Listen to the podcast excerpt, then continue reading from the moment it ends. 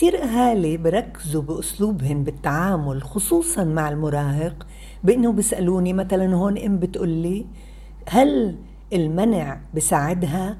هل أوبخها؟ هل أحرمها؟ بنت عمرها 16 سنة مؤدبة عايشة مراهقتها بشكل طبيعي.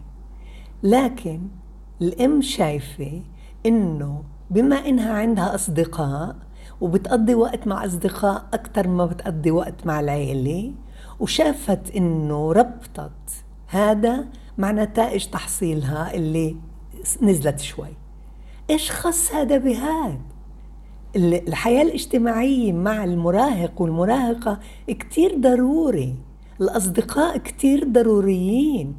ما خصش النتائج والتحصيل بالأصدقاء خص أسلوبك بالتعامل. فليش لجأتي لأني أوبخها إني أعاقبها أحرمها بنت 16 سنة؟ إيش هذا الأسلوب اللي ممكن يخلي تقديرها الذاتي يعلى؟ تخلي ثقتها بنفسها تعلى؟ بدك تفكروا دايما بدكم تفكروا بإنه كيف أرفع من تقديره الذاتي لابني وبنتي؟ كيف أقوي شخصية؟ كيف أزيد الثقه كيف أخليها تصير شجاعة؟ نزلت نتيجة التحصيل تبعها عندها كثير أسباب. ممكن المعلم مش لهالمادة مش على حتى على مزاج كل الأولاد. يمكن المعلم بعرفش يوصل الرسالة. ليش فكرت باصحاب وهي شو خاص؟ إذا بنت مؤدبة وعايشة مراهقتها بشكل طبيعي بده يكون العوامل يمكن المادة مش ميالة إلها. السنة المادة المطلوبة بهذا العمر هي مش ميالة إلها فشوية انخفضت آه، تحصيلها.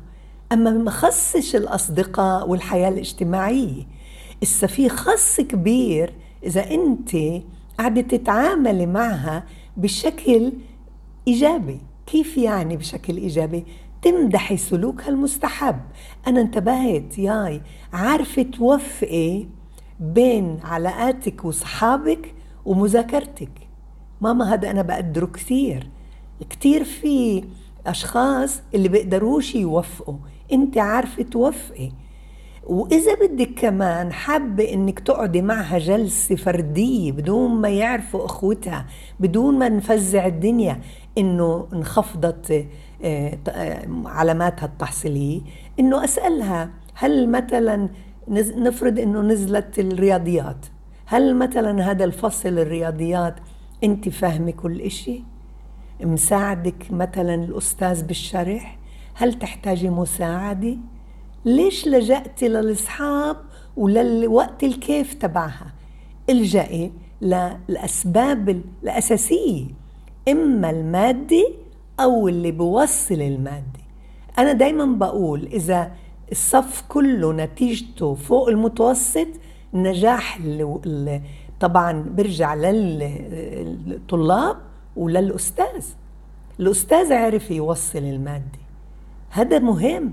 فلما بدك تركزي بدل ما تركزي على التوبيخ وعلى الحرمان وعلى العقاب ركزي على إنه شو بنقدر نساعدك عشان أنت ترفع. ولا أنت شايفة إنه هذا إشي طبيعي أنت عارفة تتعاملي معه.